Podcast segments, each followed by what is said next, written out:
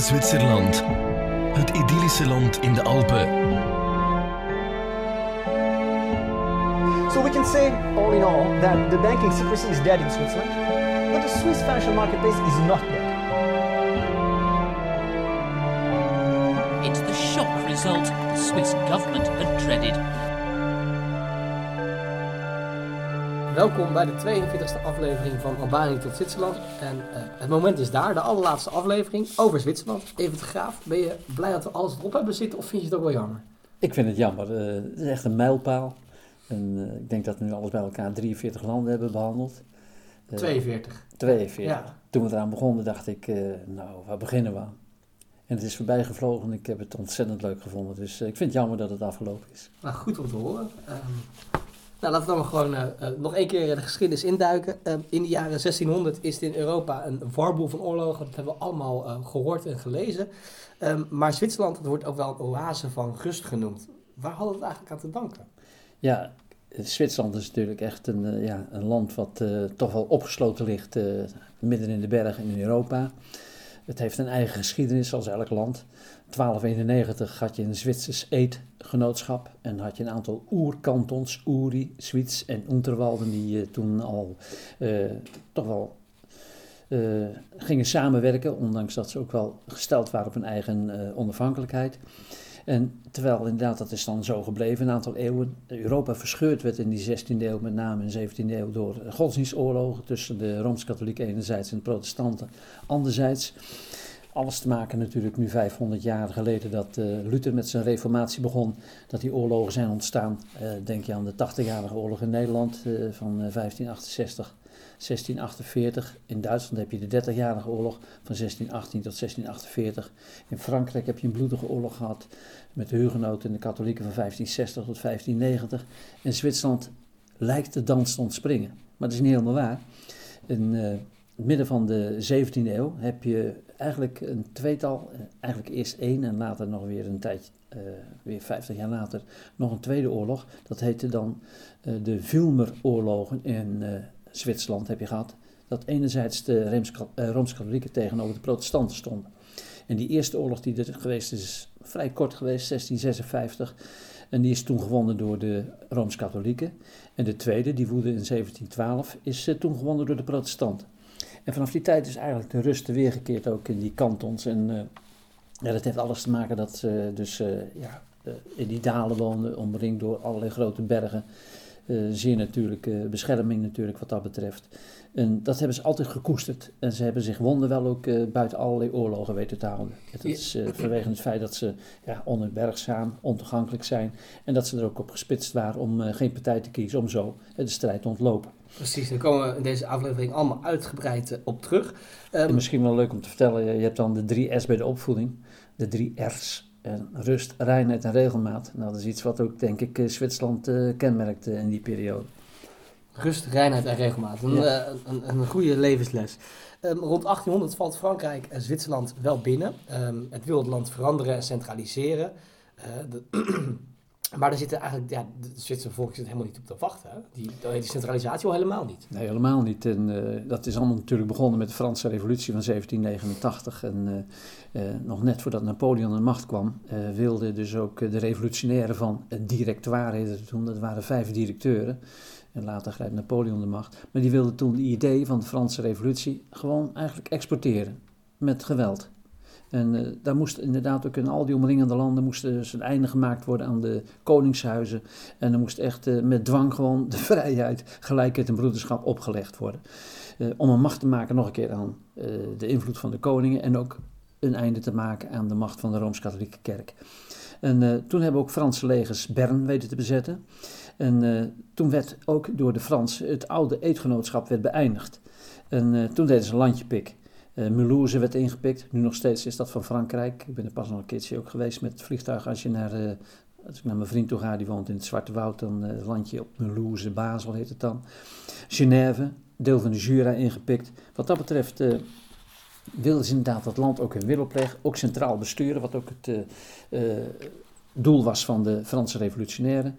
Grondwet eh, opleggen aan de bevolking. Maar daar rees bij de Zwitsers heel veel eh, verzet op. Die waren op zichzelf gericht, en die wilden daar dus eigenlijk niets mee te maken hebben. En dan krijg je in 1802 krijg de Stekli-kriek, dat de Zwitsers tegen de Fransen vechten. En uiteindelijk is toen in 1803 jaar later, succesvol is die oorlog verlopen, is de Helvetische Republiek eh, dus eigenlijk ook afgeschaft. En eh, met name de invloed van de Fransen beëindigd ook in eh, Frankrijk. In Zwitserland. Eh, Ja, in Zwitserland, ja, sorry. precies, nee. In Zwitserland. Ehm, en eigenlijk, volgens mij, is, is Zwitserland een van, de, een van de weinige landen in de wereld waar officieel ge- niet eens een hoofdstad is. Bern is, het wordt wel genoemd, maar het is officieel Het niet is een hoofdstad. officieel niet, nee. Nee, omdat het zo gedecentraliseerd is ook. Hè? Klopt. Ehm, Ja, dat is een opmerkelijk feit. Ja. ja. Eh, op het congres van Wenen, eh, na de nederlaag van Napoleon, wordt de Zwitserse neutraliteit, eh, waar het zo beroemd mee geworden is, gegarandeerd. Het wordt daar, daar vastgelegd. Een klein land in het midden van Europa, nou, hè, je eh, geografisch is dat, is dat vrij logisch, omdat het ingelicht omdat het toch al een lastige, lastig gebied is. Maar waarom werd die neutraliteit, was er ook een ander doel waarmee ze zeiden van, nou, goed als één land is wat gewoon in het midden van Europa zich nooit ergens mee bemoeit? Ja, ik moet eerlijk zeggen, ik heb, eh, daar wat, ik heb er een paar dikke boeken van, daar heb ik even gauw ingekeken. En er is niet echt heel veel duidelijkheid over. Het congres van Wenen van 1814 eh, tot 1815.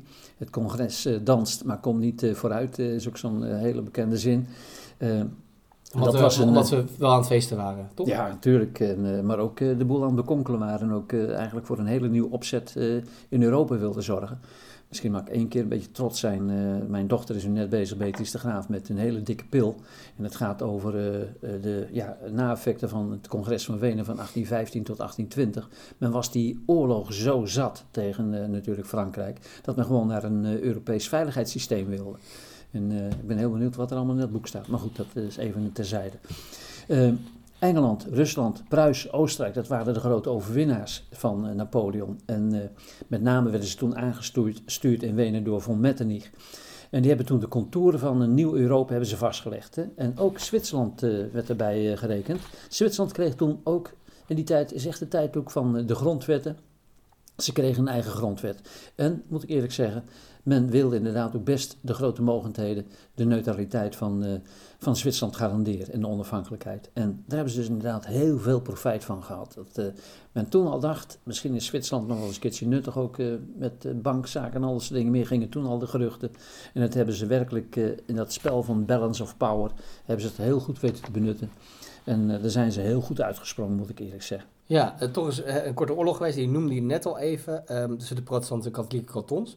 Eh, maar dat is dus ook gelijk de laatste oorlog op Zwitsers grondgebied. Daarna is er nooit meer ehm, een oorlog gewoed. Hè? Of- En dan moeten we niet denken, nee, inderdaad, eh, dat het dan een land was van pais en vree. Er waren best wel tegenstellingen ook in, Ja. in Zwitserland. Er bleven natuurlijk katholieken wonen en protestanten. En er bleven liberalen, die beïnvloed waren door de ideeën van de Franse revolutie, tegenover aardsconservatieven die er niets moesten hebben. Je had heel sterk in, in Zwitserland ook de tegenstelling tussen het platteland, de boeren, en de mensen in de steden. Die keken vaak met dédain in de steden op die achterlijke boeren neer, die bergboeren. En dan had je ook nog eens een keertje het feit dat heel veel eh, Zwitsers verschillende talen spraken.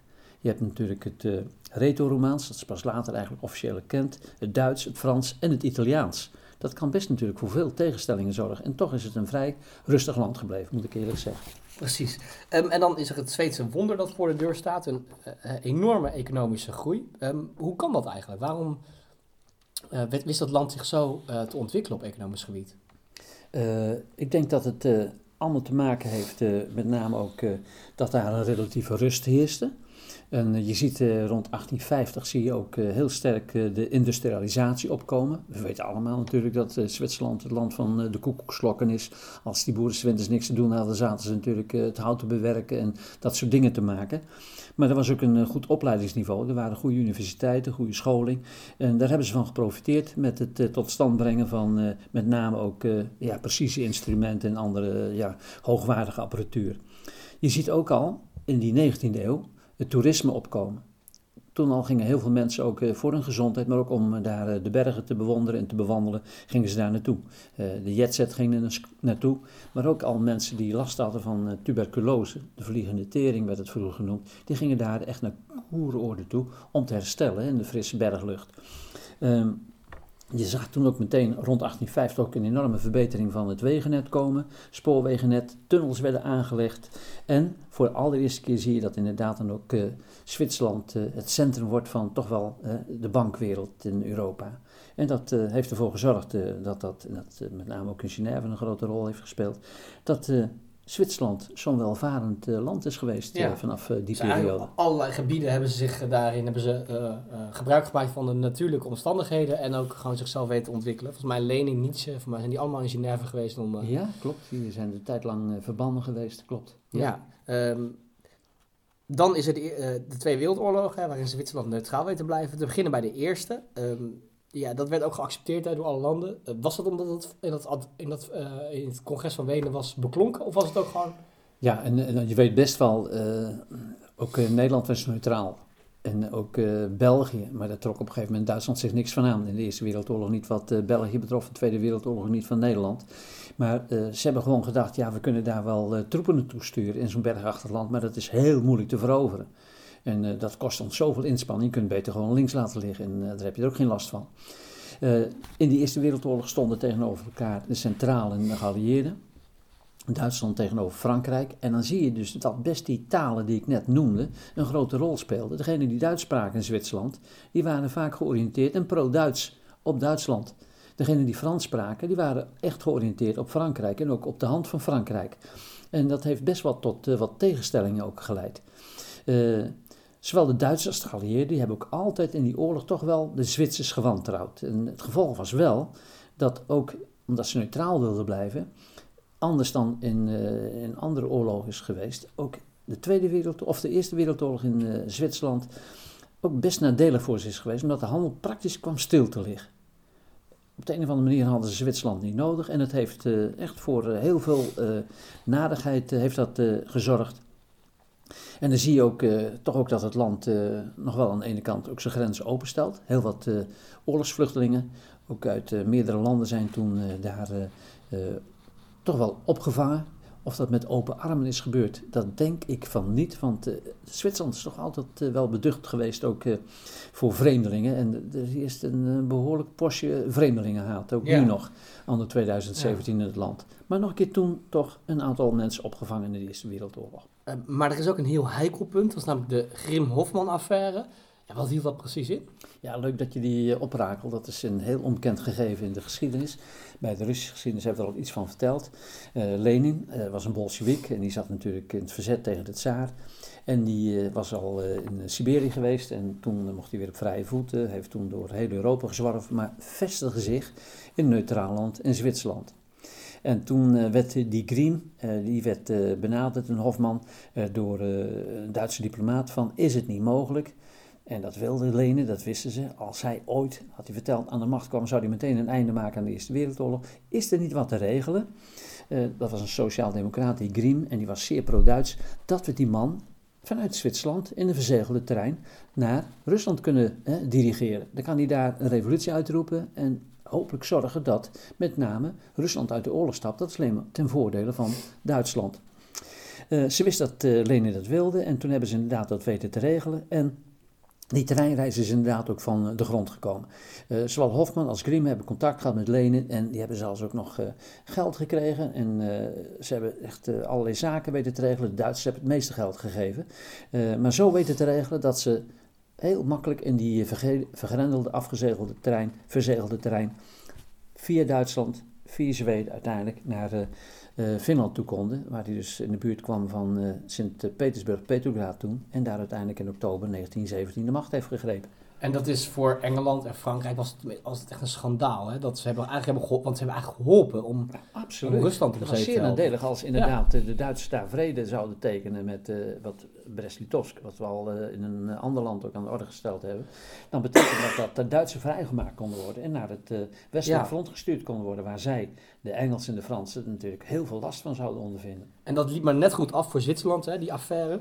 Ehm, het- bleef dus ook neutraal. Dat gebeurt ook in de Tweede Wereldoorlog. Eh, En er zijn er fragmenten, dat vind ik, voor mij heb ik dat uit films, ik, heb, ik, heb- ik weet niet precies waar vandaan, maar voor mij in films dat ehm, vluchtelingen echt de Zwitserse grens moesten halen om hun leven te redden. Hè? Nou, een van de meest bekende, ik denk dat je die film bedoelt, is van eh, The Sound of Music. Dat de familie Trap, die gaat ook, eh, als, die zijn zou goed eh, Oostenrijkers, ja. ja, zeker. Eh, dan krijg je de Anschluss in 1938 en dan vlucht de hele familie, en dat is op een wagengeven gebaseerd, die vlucht dan over de bergen naar Zwitserland toe. Hè, het vrije huis in, in Europa. En dan werden ze, moet ik eerlijk zeggen, ook heel gastvrij ontvangen. Meer gastvrij ontvangen dan Joden die ook probeerden dus te vluchten naar eh, Zwitserland. Want vanuit Nederland bijvoorbeeld had je twee vluchtroutes. Eh, Men wilde naar Engeland toe. Dat kon je doen via de route naar Zwitserland. Of je kon het doen via België, bezet België.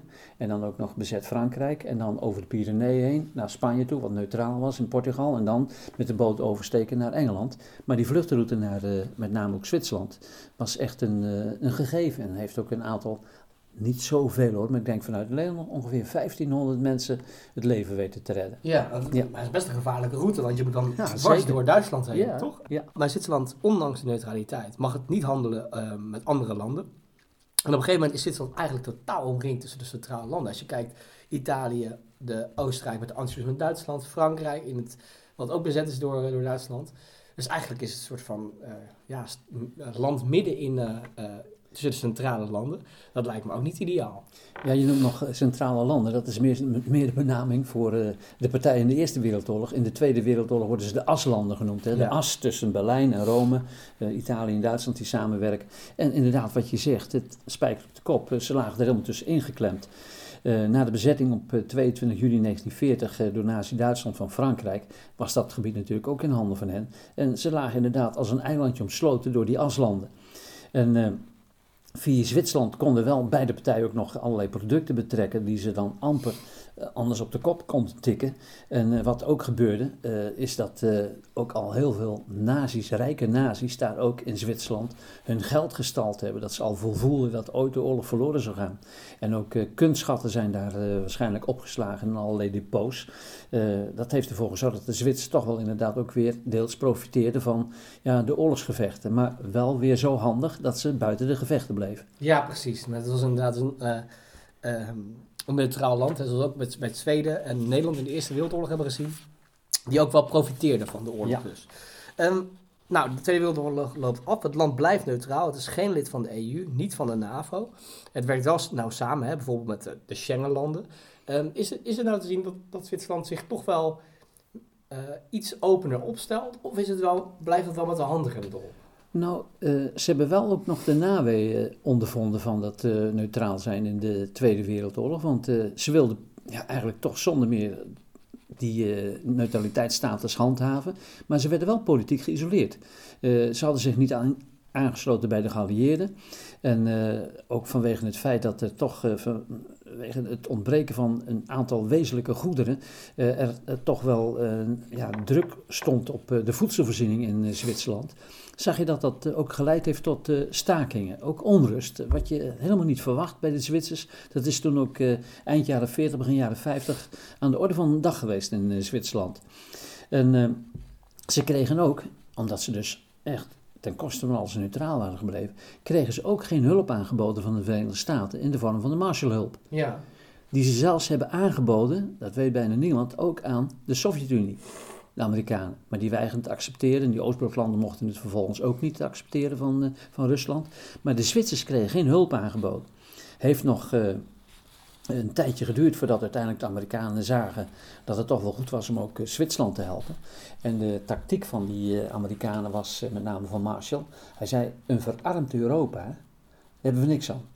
Dat dreigt heel makkelijk in handen te vallen van het communisme. Dat eh, niet alleen maar eh, moet je dan denken aan dat eh, rode leger die landen komt binnenvallen. Nee, je had natuurlijk in elk land had je communistische partijen. Ook in Nederland bij de eerste verkiezingen in 1946 hadden de communisten 10% van de stemmen gekregen. Omdat ze een hele grote rol in het verzet hadden gespeeld. Dus je moest ervoor hoeden dat die communisten een grote invloedrijke macht werden. Hoe kon je dat voorkomen? Door te zorgen voor welvaart. Dus moet je inderdaad ook eh, geld geven. En dat geeft dan nog een tweede bijkomende ja, eh, grote pluspunt ook voor de Amerikanen. Een rijk land kan ook weer heel makkelijk producten kopen vanuit Amerika. Kom je dienst doen als afzetgebied. En vandaar ook dat eh, uiteindelijk Zwe- Zwitserland ook in aanmerking kwam voor de Marshallhulp. En Ja. daardoor toch weer met een economische bloeiperiode kon beginnen. Eh, Achteraf een, was het natuurlijk eh, een, slimme zet van de Amerikanen. Want je ziet hoe, hoe, hoeveel er is afgezet in Europa. Dat is Ook eigen belangen weer hoor. Tuurlijk, ja, Ja. tuurlijk. Ehm, ja, dan nog even over dat, dat, dat, dat, dat, die, eh, die Schengenlanden, want dat, daar zit Zwitserland dan weer wel bij. Hè? Ja, het verdrag van Schengen. Schengen is plaats trouwens in, in Luxemburg. In 1985 is met name ook de Benelux daar heel actief in geweest. België, Nederland, Luxemburg, samen met Duitsland en Frankrijk. Dat ze gezegd hebben, het moet eigenlijk tussen ons een vrij verkeer van personen zijn. En eh, uiteindelijk eh, in 2017 nu zijn er eh, 22 landen bij aangesloten. Maar ook in de loop der tijd zijn er een aantal landen bijgekomen waarvan je het eigenlijk niet zou verwachten. Waarvan onder andere Zwitserland er één is. Zwitserland, IJsland, Noorwegen, Liechtenstein. En met name Zwitserland is er pas in 2004 bijgekomen. Heeft heel veel voet in de aarde gehad. Want die Zwitsers ja, die wilden eigenlijk zo min mogelijk vreemdelingen ook op hun grondgebied hebben. Eh, er zou, dat was toen al door die andere landen van de Europese gemeenschap, Europese Unie besloten, in 1993 een soort interne Europese markt moeten komen. Met nog een keer wat ik al zei, vrij verkeer van personen, maar ook van eh, kapitaal, goederen en diensten. En eh, ja, dat was ook aanlokkelijk natuurlijk voor de Zwitsers. En toen hebben ze eh, in 2005 hebben ze daar een referendum over gehouden. En ook daar 55% van de bevolking koos toen voor toch wel aansluiting bij Schengen. Dus dat was inderdaad eh, best wel opmerkelijk te noemen. Eh, dat heeft nog drie jaar geduurd voordat het kon geïmplementeerd worden, want er moest van alles geregeld worden in Zwitserland, maar ook op internationale vliegvelden, hoe dat met paspoort en alles eh, geregeld kan worden. Want het voordeel van eh, het Schengen-verdrag is dat je geen visum nodig hebt. Ja. En dat betekent gewoon echt besparing van tijd en van geld enzovoort. Dat is een enorm voordeel als je veel reist. En dat heeft dus nog een paar jaar geduurd voordat in 2008 officieel ook Zwitserland kon deel uitmaken van het Schengen-verdrag. En daar hebben ze geen spijt van gekregen, moet ik eerlijk zeggen. Nee, want ehm, dat is natuurlijk handig voor de chocola-horloges die, eh, die eh, over de grens kunnen worden getransporteerd. Ehm, daar is Zwitserland mee bekend geworden, net zoals de Alpen. Maar nog iets, en dat is het bankgeheim. Ja, wat houdt dat precies in, dat, dat bankgeheim? Het bankgeheim is eh, officieel begonnen in 1934. Toen werd er een bankwet in Zwitserland aangenomen. En dat betekent dat Zwitserse banken die zouden de persoonlijke informatie van hun klanten over het gebruik van hun bankrekeningen beschermen tegen wie dan ook. Tegen eh, aanvragen van eh, buitenlandse belastingdiensten en van hun eigen belastingdienst. Er mocht niemand eh, een vinger achter krijgen, dat bleef geheim. Private banking, kun je het letterlijk noemen. Maar buitenlandse overheden die kregen zo dus inderdaad geen inzicht in geheime bankrekeningen die ook Nederlanders bijvoorbeeld in, Ja. in, in Zwitserland hadden. En ja, waarom willen mensen nou een private bankrekening hebben in Zwitserland? Je wilt je verbergen voor de Belastingdienst, bijvoorbeeld hier in Nederland. Of voor familie of vrienden, weet niet weten. Of voor je werkgever. Die kun je natuurlijk ook, als je een hoge baan hebt, kun je daar geld achterover drukken en daar stallen. En je kunt daar inderdaad verduisterd geld eh, bewaren. En je kunt ook voorkomen dat als je op punt dreigt eh, om, te vallen als bedrijf, kun je daar je gelden nog eh, veilig stellen, zodat ze niet meegesleurd worden in eventueel faillissement. Wat dat betreft was dat natuurlijk heel handig. Maar steeds meer eh, belastingdiensten begonnen steen en been te klagen dat eh, Zwitserland een belastingparadijs was geworden. En eh, dat daar met name ook wie gebruik van maakte, corrupte politici. Je wil niet weten hoeveel mensen, dictatoren uit allerlei landen in de hele wereld daar hele grote rekeningen hadden. Ik noemde het net al met de nazi's die er al mee begonnen. Criminelen. Klaas Bruinsma schijnt er ook een hele grote rekening gehad te hebben. Zo'n drugskoning eh, wat dat betreft hier in Nederland. In ieder geval een zogenaamd eerbiedwaardige zakenlui die er ook een eh, rekening hadden om natuurlijk eh, eh, de belasting een loer te draaien, die te ontduiken. En men vond dat het niet kon en door druk ook van buitenaf hebben de, inderdaad ook de, de Zwitsers uiteindelijk ervan moeten afzien. Maar het schijnt alles bij elkaar dat er op een gegeven moment zeker een biljoen aan euro stond gestald op die geheime bankrekening in Zwitserland. Een werkelijk fenomenaal bedrag. Ja, het was echt zo dat elke aanvraag van een buitenlandse overheid zo de, de papierversnipperaar inging. Hè? Dat niet, heb ik begrepen. niet ja. eens naar werd gekeken. Nou, dat Ja. is inmiddels wel veranderd.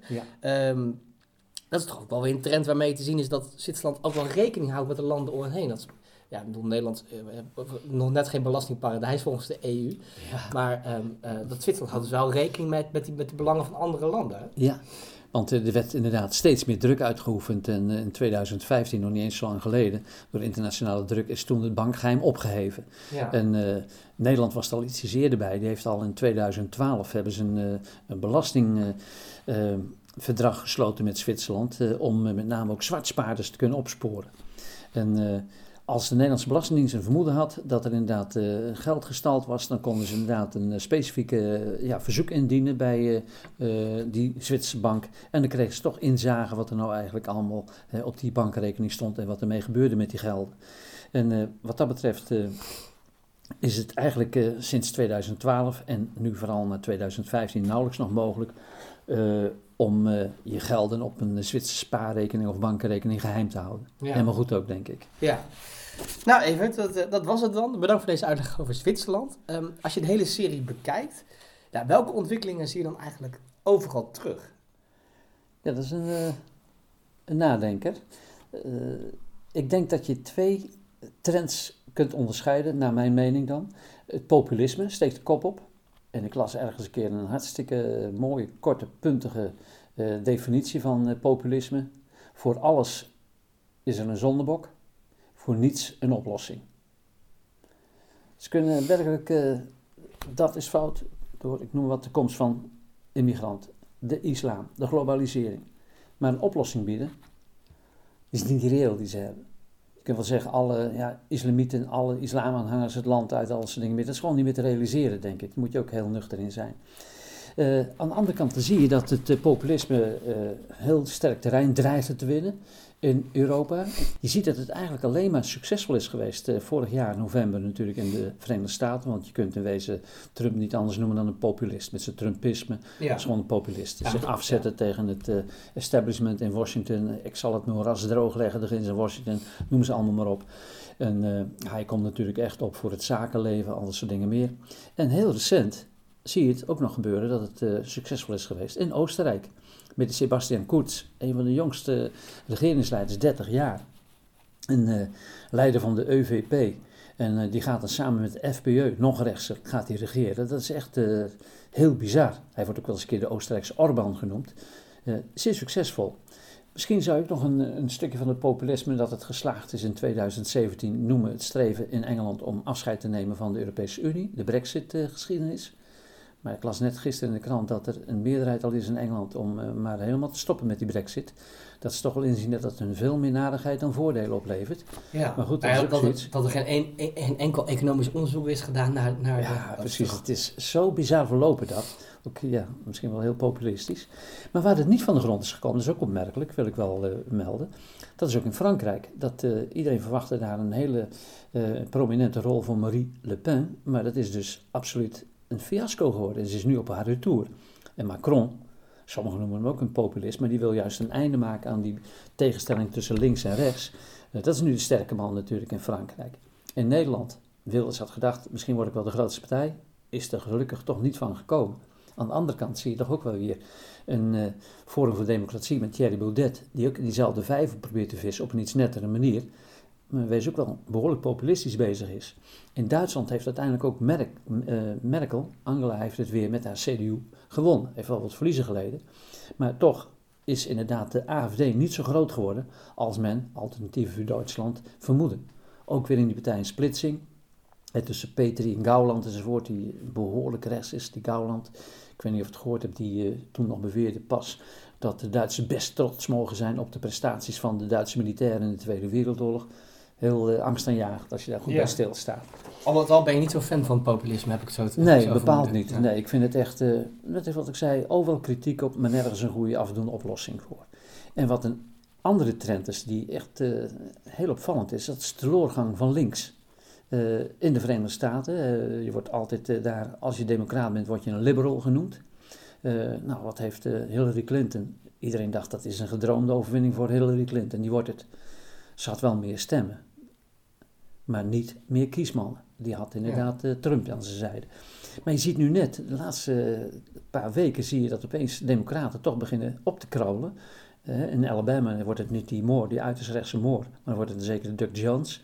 En er is nu zelfs in Virginia is er een hele jonge vent die gevochten heeft in het Midden-Oosten, in Irak en zo.